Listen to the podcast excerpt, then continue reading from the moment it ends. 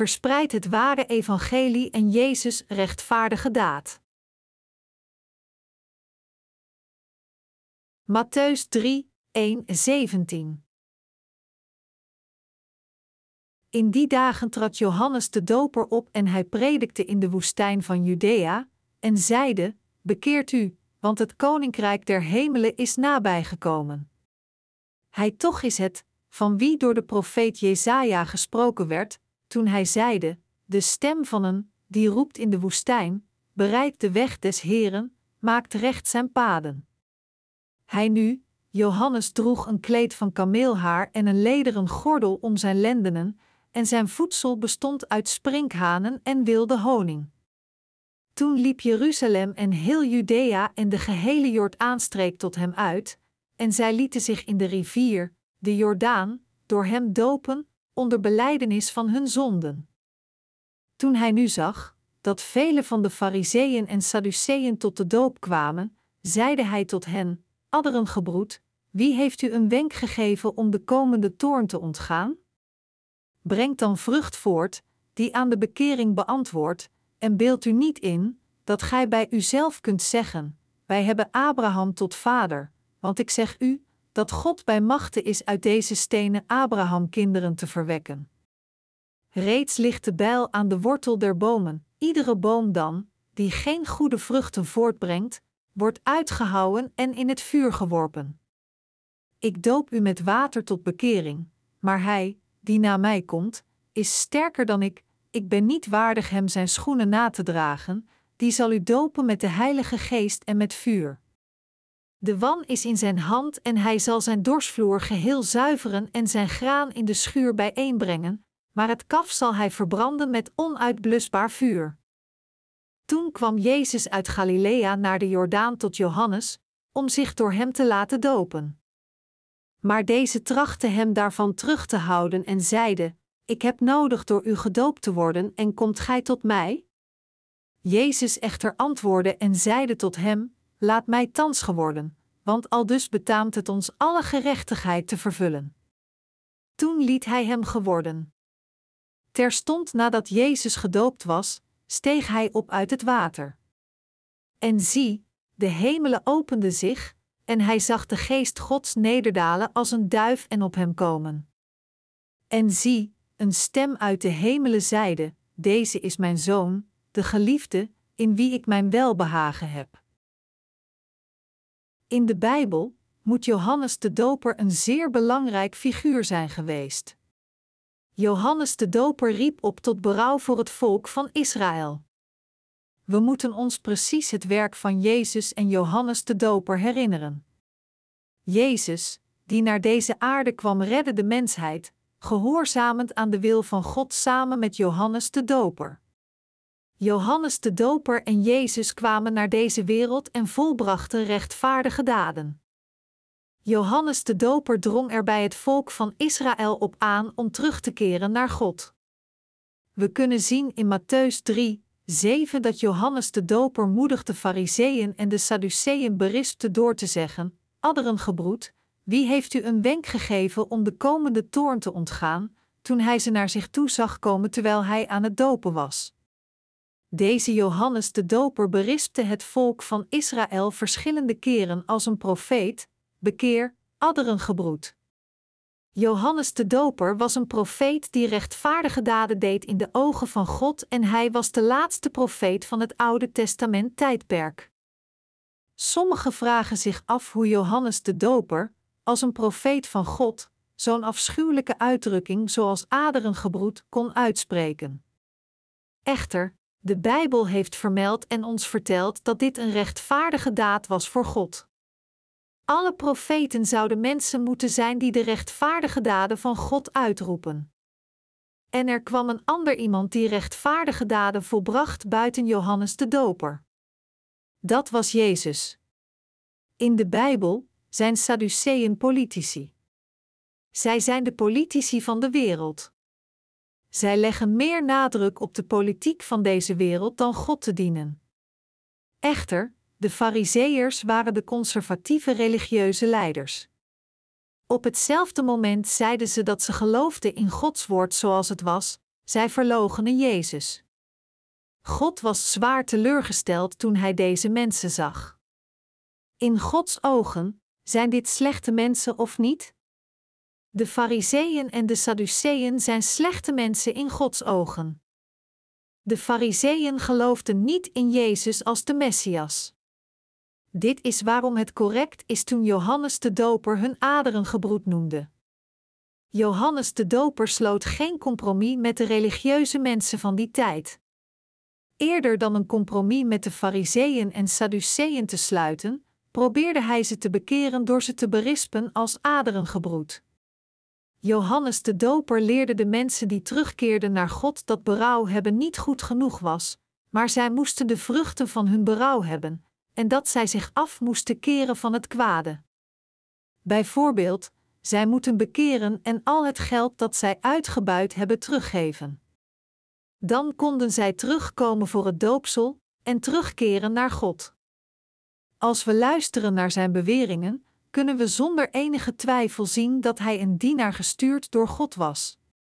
Rond de tijd dat Johannes de Doper verscheen, was de tijd dat Jezus Christus zijn openbare ambt begon. De verkondiging van Johannes de Doper was om het werk van Jezus te helpen. In die tijd was er geen dienaar van God geweest voor meer dan 400 jaar voor de mensen van Israël. Daarom, het optreden van Johannes de Doper was een gunstige gelegenheid voor de mensen van Israël om de voorzienigheid van God te horen en de stem van God. Johannes de Doper riep uit: Aderengebroed, berouw en keer terug naar God. Keer u af van afgoderij. U moet inheemse goden afzweren en terugkeren naar God om Gods oordeel te vermijden. Het was een belangrijke zegening voor het volk van Israël dat een dienaar van God kon berispen en hun advies gaf op die manier. Het hele volk van Israël werd opgeschud door de uitroepen van Johannes de Doper. Het wonder van de hoge priester, Sadduceeën en Fariseeën kwamen naar Johannes de Doper, zich vol berouw en terugkerend naar God voordoend. Johannes de Doper getuigt over de kwaliteiten van Jezus Christus, ik doop u met water tot bekering, maar hij, die na mij komt, is sterker dan ik, ik ben niet waardig hem zijn schoenen na te dragen, die zal u dopen met de Heilige Geest en met vuur. De wan is in zijn hand en hij zal zijn dorsvloer geheel zuiveren en zijn graan in de schuur bijeenbrengen, maar het kaf zal hij verbranden met onuitblusbaar vuur. Matthäus 3, 11, 12. Hij getuigt dat hij het werk doet om mensen terug te brengen naar God door hun te berispen, maar de ene die na hem komt zal dopen met de Heilige Geest en vuur.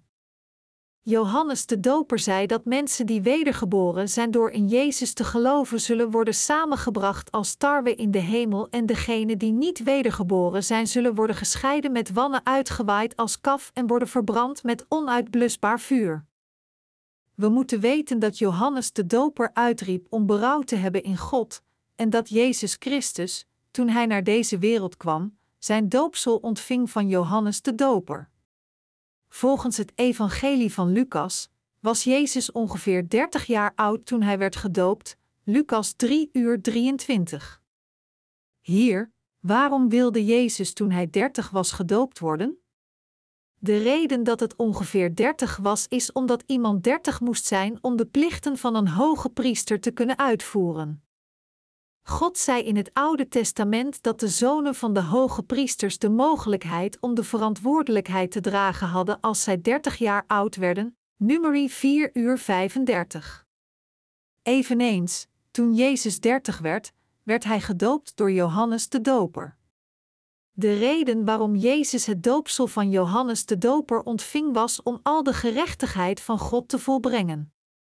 Jezus werd gedoopt door Johannes de Doper om al de zonden van iedereen in de wereld op zich te nemen. Echter, de mensen zijn verward en begrijpen niet waarom Jezus werd gedoopt door Johannes de Doper. Jezus' doopsel door Johannes de Doper is een geheim geopenbaard in de Bijbel. Vele mensen begrijpen het geheim van het doopsel niet en misverstaan waarom Jezus werd gedoopt. Zij denken dat het was om een voorbeeld te geven of om nederigheid te tonen. We moeten weten dat Jezus naar deze wereld kwam en werd gedoopt om iedereen in de wereld van zijn zonde te redden. Jezus kon de gerechtvaardige daad van het op zich nemen van de zonde van de wereld door te worden gedoopt door Johannes de Doper volbrengen toen hij naar deze wereld kwam.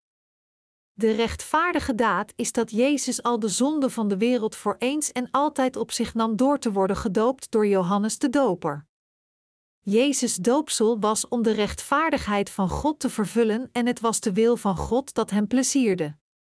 Onze Heer kwam naar deze wereld om ons van al onze zonden te redden. Hij werd gedoopt om de zonden van u en mij op zich te nemen voor eens en altijd door het doopsel en bloede dood voor ons. De Heer nam al de zonden van de wereld voor eens en altijd op zich. In Matthäus 3 uur 15 betekent alle gerechtigheid dat Jezus al de zonden van de wereld op zich nam door te worden gedoopt door Johannes en dood te bloeden aan het kruis. In die tijd nam Jezus alle zonden van de wereld op zich, alle zonden van ons. Hoe gelukkig is het en hoe dankbaar zijn we?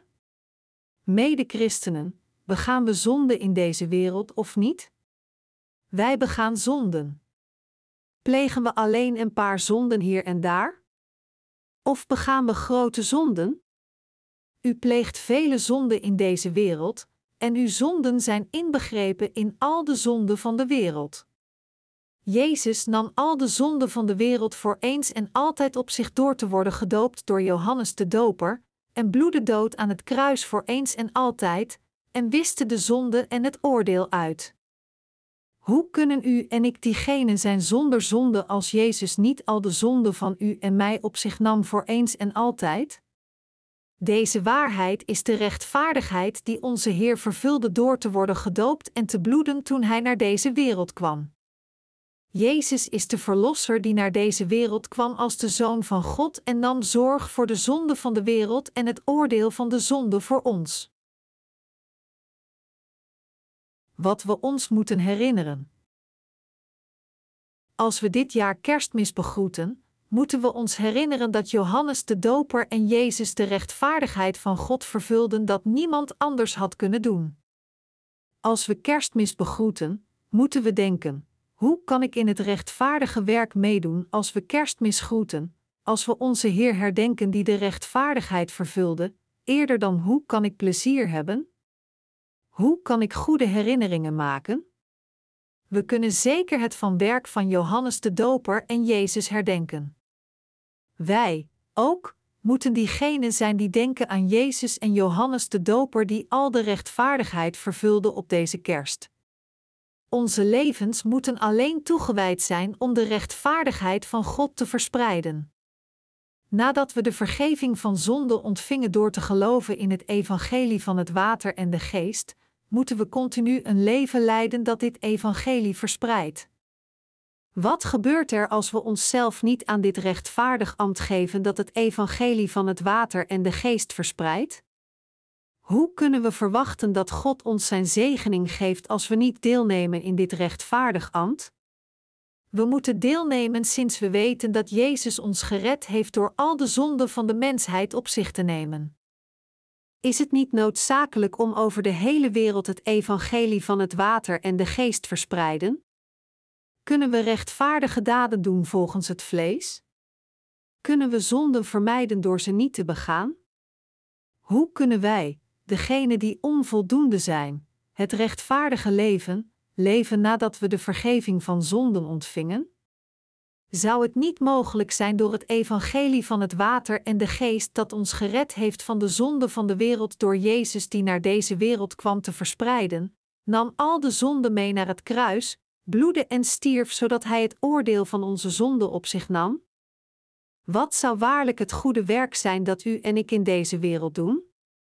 Zou God blij zijn door ons goede gedrag en memorabele daden? Het meest rechtvaardige werk voor ons in deze wereld is het evangelie van het water en de geest te verspreiden. Wat is rechtvaardig is heel uw harten en energie te wijden aan het verspreiden van het evangelie van het water en de geest. Welke verschijning u hebt, God zal alleen blij zijn als u betrokken bent in het werk van de verspreiding van het evangelie van het water en de geest. Wat betekent het toen Jezus werd gedoopt en hij zei: Laat mij thans geworden, want al dus betaamt het ons alle gerechtigheid te vervullen. Matthäus 3 uur 15. Deze woorden zijn de getuigenis dat ons vertelt dat Jezus al de zonde van de wereld op zich nam die wij hebben begaan door het doopsel dat hij ontving van Johannes de Doper. Toen Jezus werd gedoopt door Johannes de Doper, werden alle zonden van de wereld voor eens en altijd aan hem doorgegeven. Jezus ontving al de zonden van de wereld die van u en mij voor eens en altijd door zijn doopsel. Dit is hoe het lichaam van Jezus al de zonden van de wereld op zich kon nemen. En dit hoe het mogelijk was voor hem om het oordeel aan te gaan toen beide handen en beide voeten werden gekruisigd aan het kruis. Echter, dit betekent niet dat de zonde op zijn ziel was.